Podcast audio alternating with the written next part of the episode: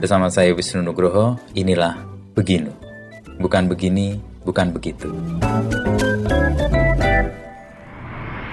Halo pendengar setia Beginu. Selamat datang di episode terbaru persembahan Kompas.com dan Media Podcast Network. Sebelum mendengarkan sesi episode kali ini, jangan lupa follow dan beri rating terbaikmu untuk podcast Beginu di Spotify serta nyalakan notifikasinya supaya kamu bisa terinfo setiap ada episode terbaru. Follow juga Instagram, TikTok, dan Twitter kami di @medio by KG Media. Di episode ini, kita akan menyelami kisah Edi Hara dalam karakteristik seninya sebagai seniman kontemporer. Bincang-bincang Wisnu Nugroho dengan Edi Hara bercerita tentang perjalanan seni Edi dan identitas seninya. Edi juga berkisah tentang generasi yang menyukai karya-karyanya. Yuk langsung saja kita dengarkan lebih lanjut. Mama dan Papa suka bingung cari hiburan yang edukatif untuk anak dan cara menjaga hubungan dengan si kecil agar semakin erat? Yuk dengerin podcast Dongeng Pilihan Orang Tua persembahan Medio by KG Media di Spotify.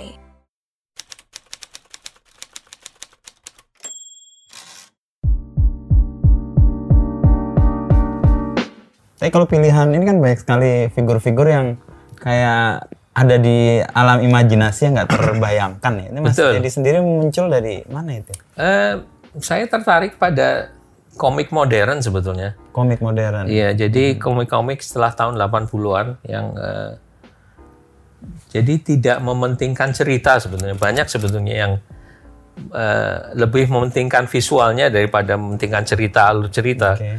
Lebih bebas, lebih ya itu mungkin yang kita sebut komik underground ya.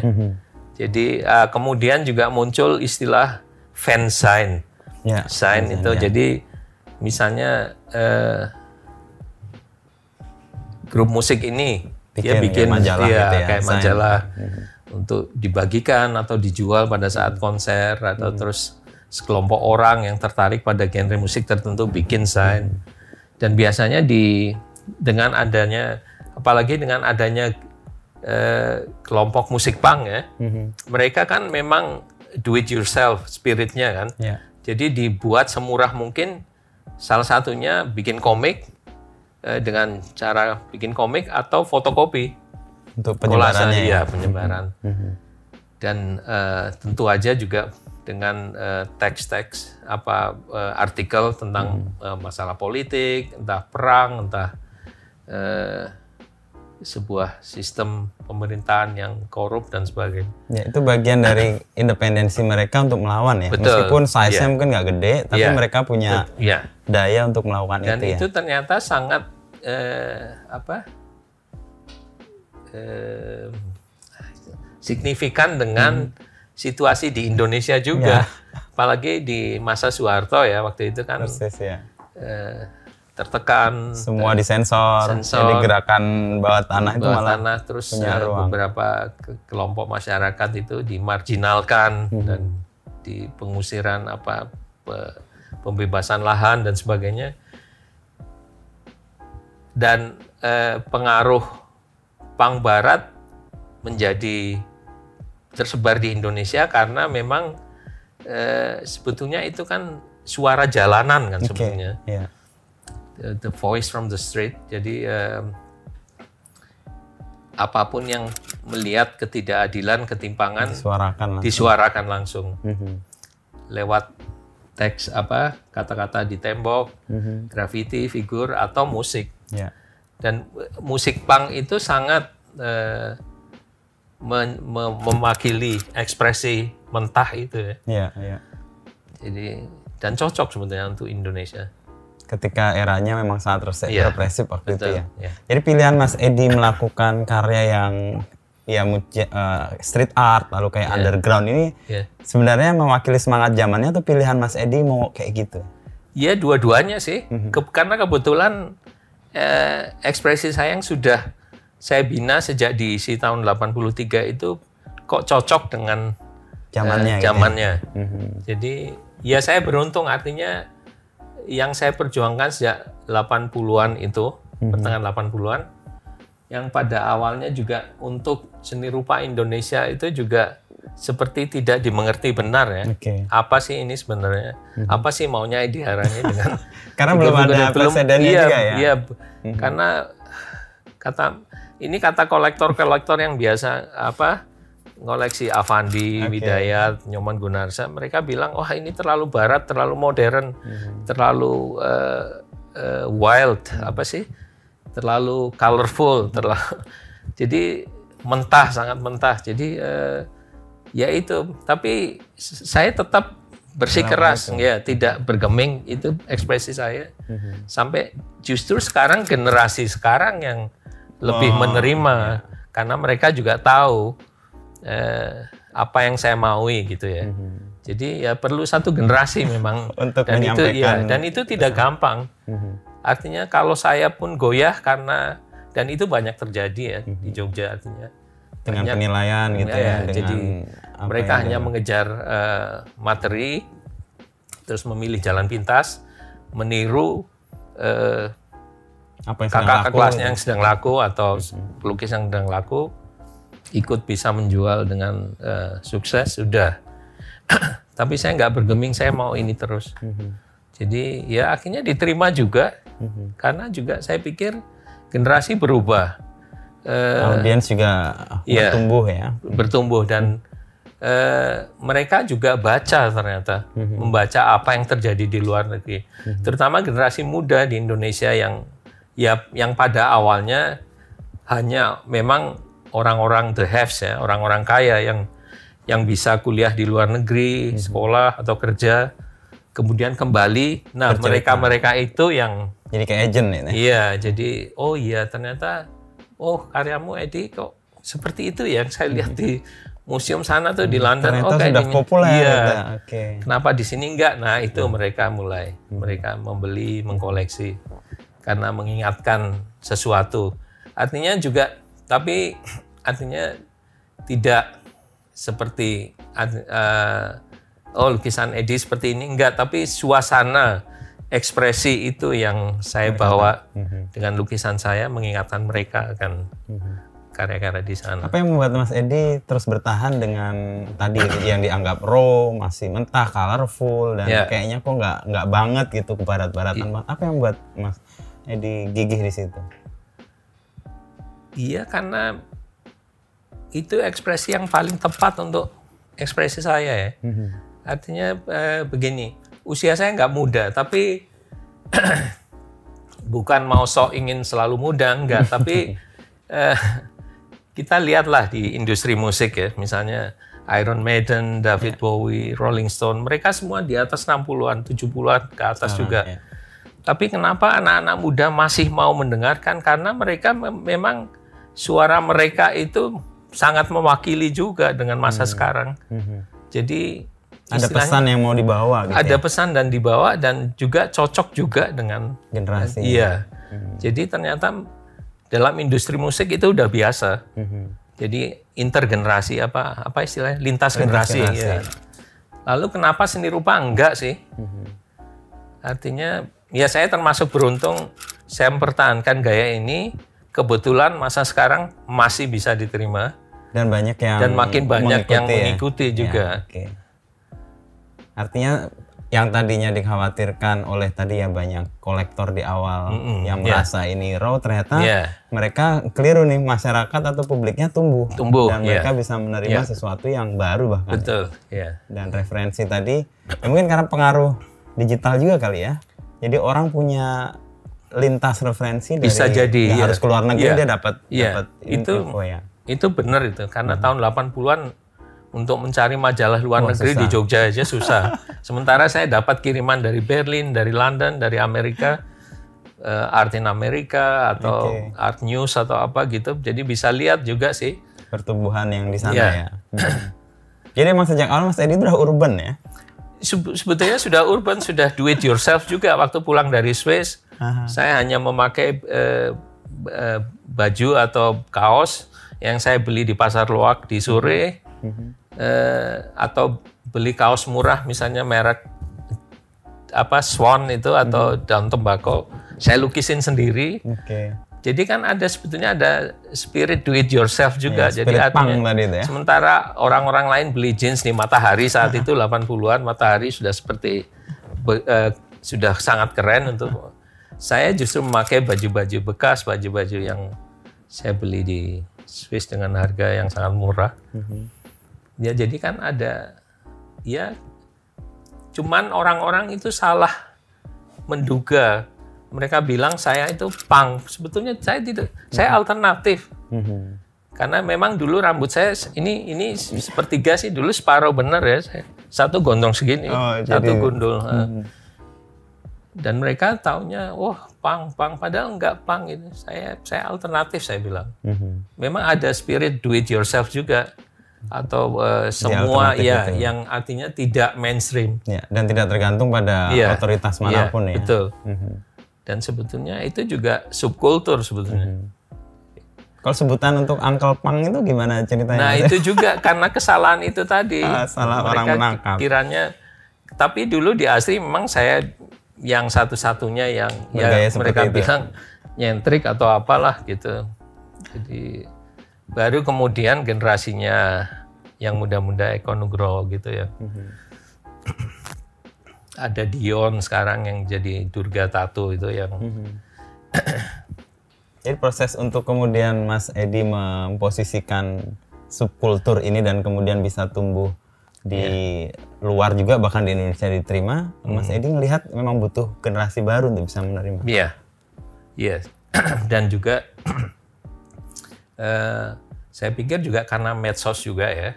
Ah, Artinya oke, eh, sosial media. Hmm. aktualisasi popularitas itu bisa terbentuk juga dengan eh, dengan baik dan dan itu juga seperti yang kita tadi diskusi bahwa pada awalnya Eropa sangat anti medsos Ya betul. ternyata juga tidak terbendung. Mereka sekarang medsos iya, juga. artinya, artinya generasi saya sangat anti. Ternyata yang anak-anak muda sekarang itu jadi anak muda melihat saya juga seperti bagian dari mereka di sana loh di, Iya, di di Basel ya. iya. Jadi ya bergaulnya dengan anak-anak muda lagi sekarang. Mhm. Eh, ya gitulah dan itu juga semuanya lewat kesenian. Mhm. Jadi ternyata seni saya mudah-mudahan bisa jadi bridge Antar generasi. Iya. Jadi bisa. Dan itu sih Ya. saya alami sih. Saya misalnya kenalnya Eko Nugroho. Hmm. Tapi saya jadi tahu Mas Edi, tahu Petek juga kan. Iya, jadi tiga betul. generasi Iya, yang berbeda tuh. Iya, Ada peran di situ Iya. yang me- iya. menyatukan ya. Dan saya pikir juga ya sebagai seniman ya sama dengan musisi juga.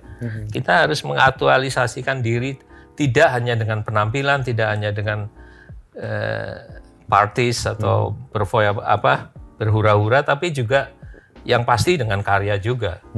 yang artinya bisa dipertanggungjawabkan dan bisa diapresiasi dengan baik sama generasi berikutnya. Ya, karena itu memang yang jadi pijakan utamanya kan. Iya, Di luar bahwa dia iya, berelasi, iya, berinteraksi itu. ya. betul. Kalau lihat perkembangan yang seni sekarang gimana Mas Edi? Anak-anak muda kan banyak yang muncul, gaya kayak Mas Edi ini kan sekarang juga tumbuh sangat luas gitu ya. Ya saya kira sangat positif karena infrastruktur ya.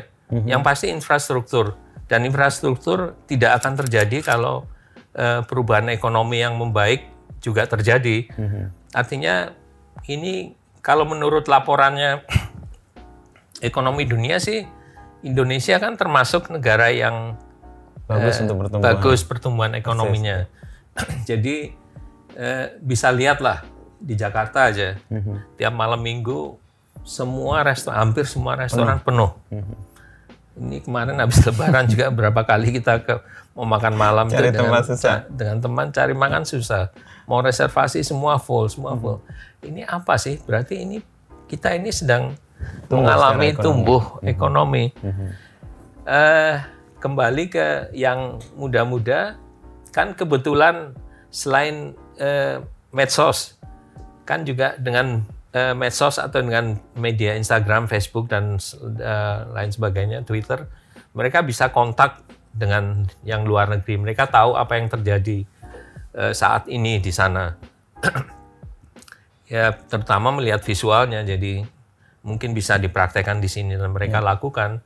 Kemudian juga eh, eh, tumbuhnya ekonomi tadi jadi banyak eh, galeri baru Ruang-ruang apresiasi lebih tumbuh ya, ruang-ruang alternatif juga ada, off space juga banyak, terutama di Jakarta. Kemudian beberapa media seperti magazine apa majalah Vice atau majalah apa aja lah yang eh, Memberi ruang tidak untuk mainstream untuk ya, tampil, untuk tampil. Kemudian juga tembok-tembok kafe juga seperti jadi eh, media untuk tampil juga untuk ya. seniman-seniman muda. Ya. Plus tentu aja eh, fashion ya. Ada kolaborasi, ada eh, brand ini dengan seniman ini. Ya seperti di luar negeri juga. Supreme dengan Pharrell Williams, Iya, terus eh, apa Adidas dengan siapa, Murakami dengan siapa gitu. Eh, Louis Vuitton dengan Murakami kan semua itu dan seperti semua sekarang bagusnya itu semua bidang sekarang seperti merch gitu ya. Iya, Nggak ada lagi views, ya. Eh, fashion dengan seni rupa, seni rupa dengan desain, desain jadi seni Musik, rupa, ya. musik me- menggunakan orang-orang desain juga untuk me- semua merchandise dan penampilan eh, produksinya. Jadi film juga, Eh, ya itu perkembangan, Yang mengembirakan sebetulnya. iya sangat, Eh, yang tadinya ini kan subkultur mas. Iya. Tadi. Sekarang kan kayak jadi kultur nih. Dan ada juga kecenderungan banyak seniman yang baru tadi yang Hmm. mencoba masuk ke situ dengan cara ya tadi dia nggak masuk nggak ada di situ sebenarnya hatinya tapi karena ini lagi laku mereka Nah itu dia, masuk ke situ. iya artinya eh, mereka hanya melihat segi luarnya aja, artinya eh, itu yang lagi digemari ya mereka ikut. Padahal sebetulnya di balik itu apa sih mereka? Jadi mereka harus sebetulnya harus mempertanyakan lagi apa sih sebenarnya di balik itu, apa sih yang mereka ingin pesankan? Nah itu yang kadang-kadang kelewat ya. kelewat. Atau tahapannya cuma sampai di kulit aja. Iya, iya. Akhirnya nanti seperti yang Mas Edi khawatirkan orang-orang yang tadinya mengagumi karya-karya besar, meniru Hmm. karya besar, lalu ketika dia pada satu sisi nggak menemukan maknanya atau kediriannya, akhirnya dia hilang gitu aja ya. bisa jadi hilang atau kalau mereka ada kesempatan mau aja me- meluangkan mendalami. waktu tetap akan jadi ya Oke. dan juga cuman eh, kalau secara instan ya nanti bisa di eh, diuji dengan waktu Mhm. Ya kegigihannya, Iya. konsistensinya Iya, gitu betul. ya.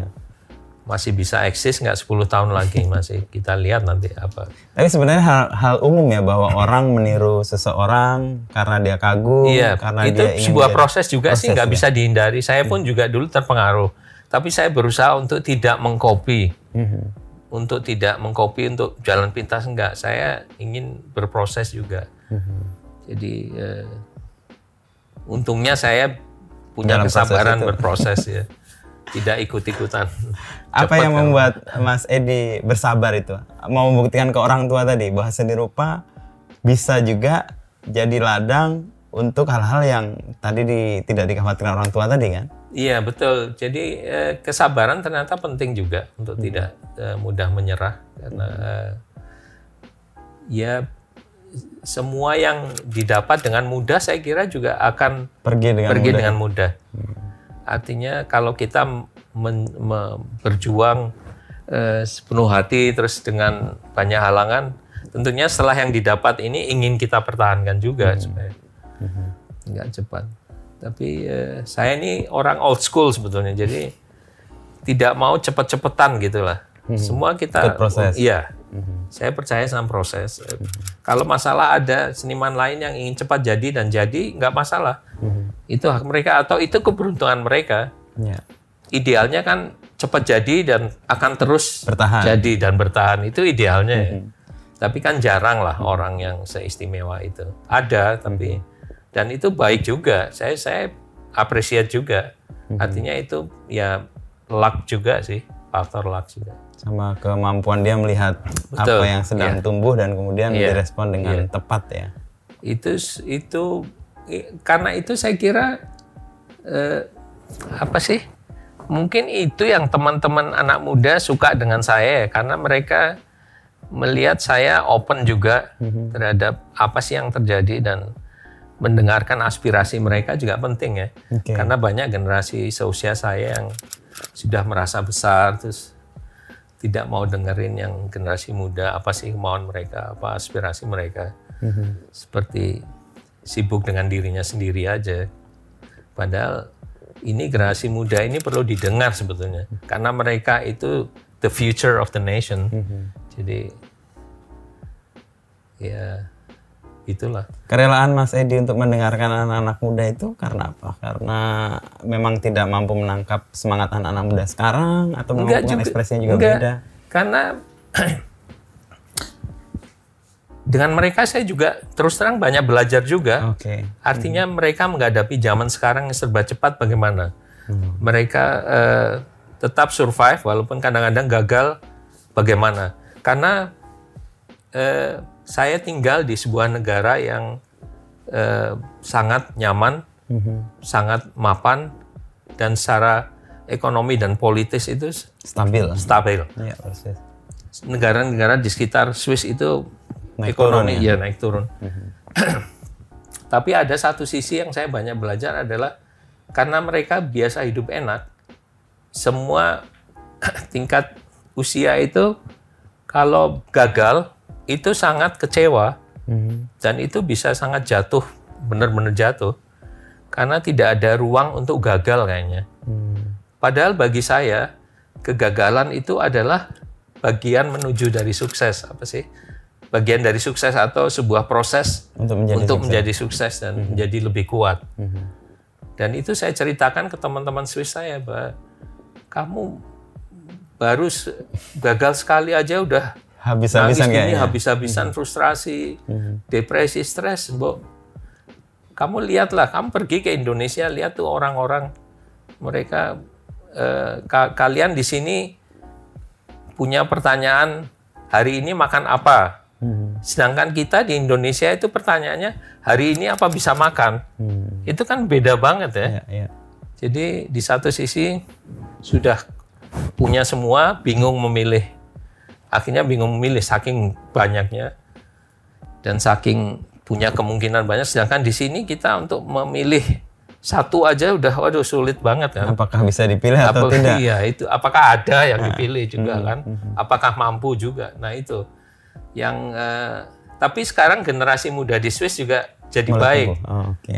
dan itu kecocokan saya dengan mereka yang generasi lebih muda jadi eh, ada kesamaan ada sa- saya banyak belajar eh, banyak dari mereka tentang ide baru tentang menghadapi eh, juga secara bisnis ya mereka seperti nggak takut untuk eh, menerjang eh, apa sih demi kelancaran bisnis mereka terus Bereksperimen gitu. cara mereka membangun relasi juga lain lebih rileks saya kira dengan daripada generasi saya. Oke.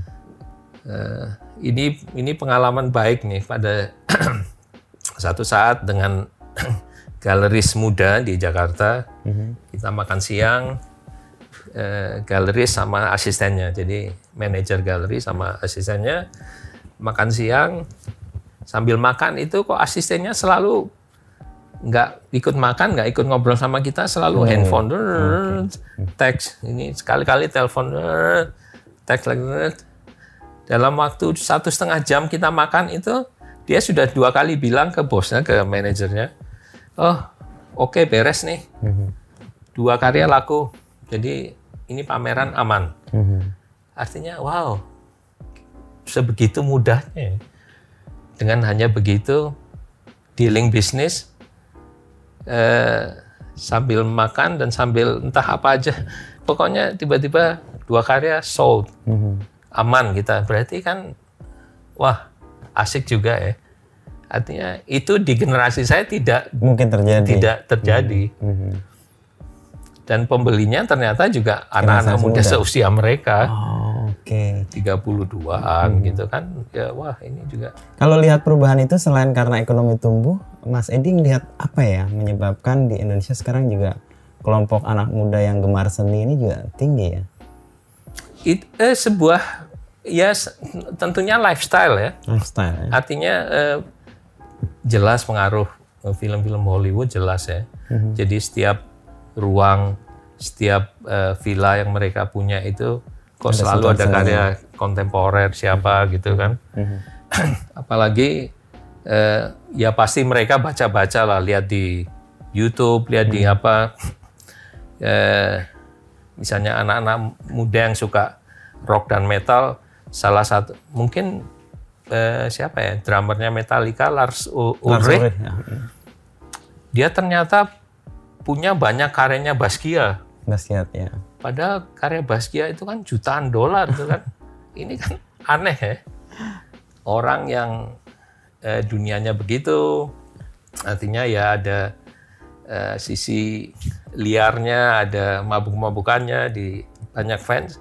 Ternyata mengkoleksi karya serius yang untuk dalam dunia seni rupa kontemporer itu, Itu sangat, dipuja-puja ya, gitu. betul. Mhm. Kan artinya, nah ini yang eh, bahwa juga eh, beberapa penyanyi rap misalnya Pharrell Williams itu mengkoleksi karyanya Murakami. Ya. Eh, gaya-gaya itu kan jadi semacam tren ya. juga. Oh, oke. Tapi yang pasti eh, kan generasi berubah. Mhm. Jadi eh, kebutuhan materi itu sudah Selesai. selesai. Rumah sudah bagus, rumah bagus sudah punya di Ada daerah bagus, oke mobil lah. Su- iya, mobil, pakaian keluar negeri sudah. Sekarang apa yang ketinggalan? Ya seni, seni Mhm. rupa untuk eh, dan salah satu dari mereka sudah beli, tentunya lewat mulut ke mulut, wah keren juga. Kayak mana? Nah, terus oh, iya. tersebar luas Iya. ya. ya lifestyle lah. Lifestyle Saya ya. kira lifestyle. Juga mungkin karena panggilan orang untuk memenuhi panggilan Iya. hatinya sendiri ya. Iya. Kalau kita di era 70-an, 80-an itu ada kritik yang sangat kuat. Kalau eh, ada filsuf namanya Herbert Marcuse yang bilang manusia satu dimensi. Jadi dia kerjanya itu aja. Tapi pada satu sisi dia harus menemukan dimensi yang lain. Betul. Seni salah satu Iya. yang melengkapi dimensi itu. Supaya nggak jadi kayak mesin, nggak Iya, jadi kayak betul, iya. robot. Ya. Dan juga ada semacam tren juga di di seluruh dunia nih. Kaum selebritis itu sekarang mulai dekat dengan seniman. Jadi kalau ada pameran apa mereka muncul. Datang. Itu kelihatan sekali misalnya Art Basel Basel ya di kota saya. Tiba-tiba wah ini siapa Leonardo DiCaprio muncul nih datang. Kayaknya kemarin lagi tawar-tawaran tuh sama karya siapa. Lihat. Terus di koran juga tiba-tiba. Eh, terus apa lagi ya? Brad Pitt juga tiba-tiba muncul gitu. Banyak bintang-bintang film yang eh, jadi ya saya lagi-lagi lifestyle kan. Mhm. Jadi meniru juga sih. Ada ada ada unsur menirunya juga sih. Bahwa mengkoleksi sekarang juga sebuah Tanda tertentu gitu ya. karena iya sosial status. Mhm, mhm. Nah kalau soal yang agak beda nih, Mas Edi kan kemudian pindah ke Basel ya, Mm-mm. dan stay di sana ya. Iya. Itu pilihan secara sadar karena menikah itu ada pertimbangan yang lain. Em, itu ya karena istri saya orang Basel aja Ya. jadi itu masalah pribadi masalah eh, ya istilahnya masalah jodoh ya. Artinya eh, tentunya berat untuk saya untuk memulai lagi dari nol di sana tapi setelah berjuang akhirnya setelah 10 tahun ya 7 6 7 8 tahun bisa diterima ya. Jadi sekarang tinggal menikmati aja yang sudah Eh, artinya juga bisa aktif di sana dengan eh, scene lokal di sana terus banyak. Justru saya eh, karena lagi-lagi ke ini generasi gap juga sih ya. Ya. generasi seusia saya di kota Basel itu sangat tertutup ya. Mereka tidak mau sharing tidak mau apa seorang seperti takut juga kompetisi dengan pendatang baru. Tapi justru dengan anak-anak musik saya dekat. Bisa ketemu. ya anak-anak musik rock tentunya ya. rock metal dan punk. Jadi mereka kan anak musik itu eh, kebiasaan bekerja secara komunal grup. Mhm. jadi mereka selalu terbuka sharing bagi info. Kolaborasi juga. kolaborasi.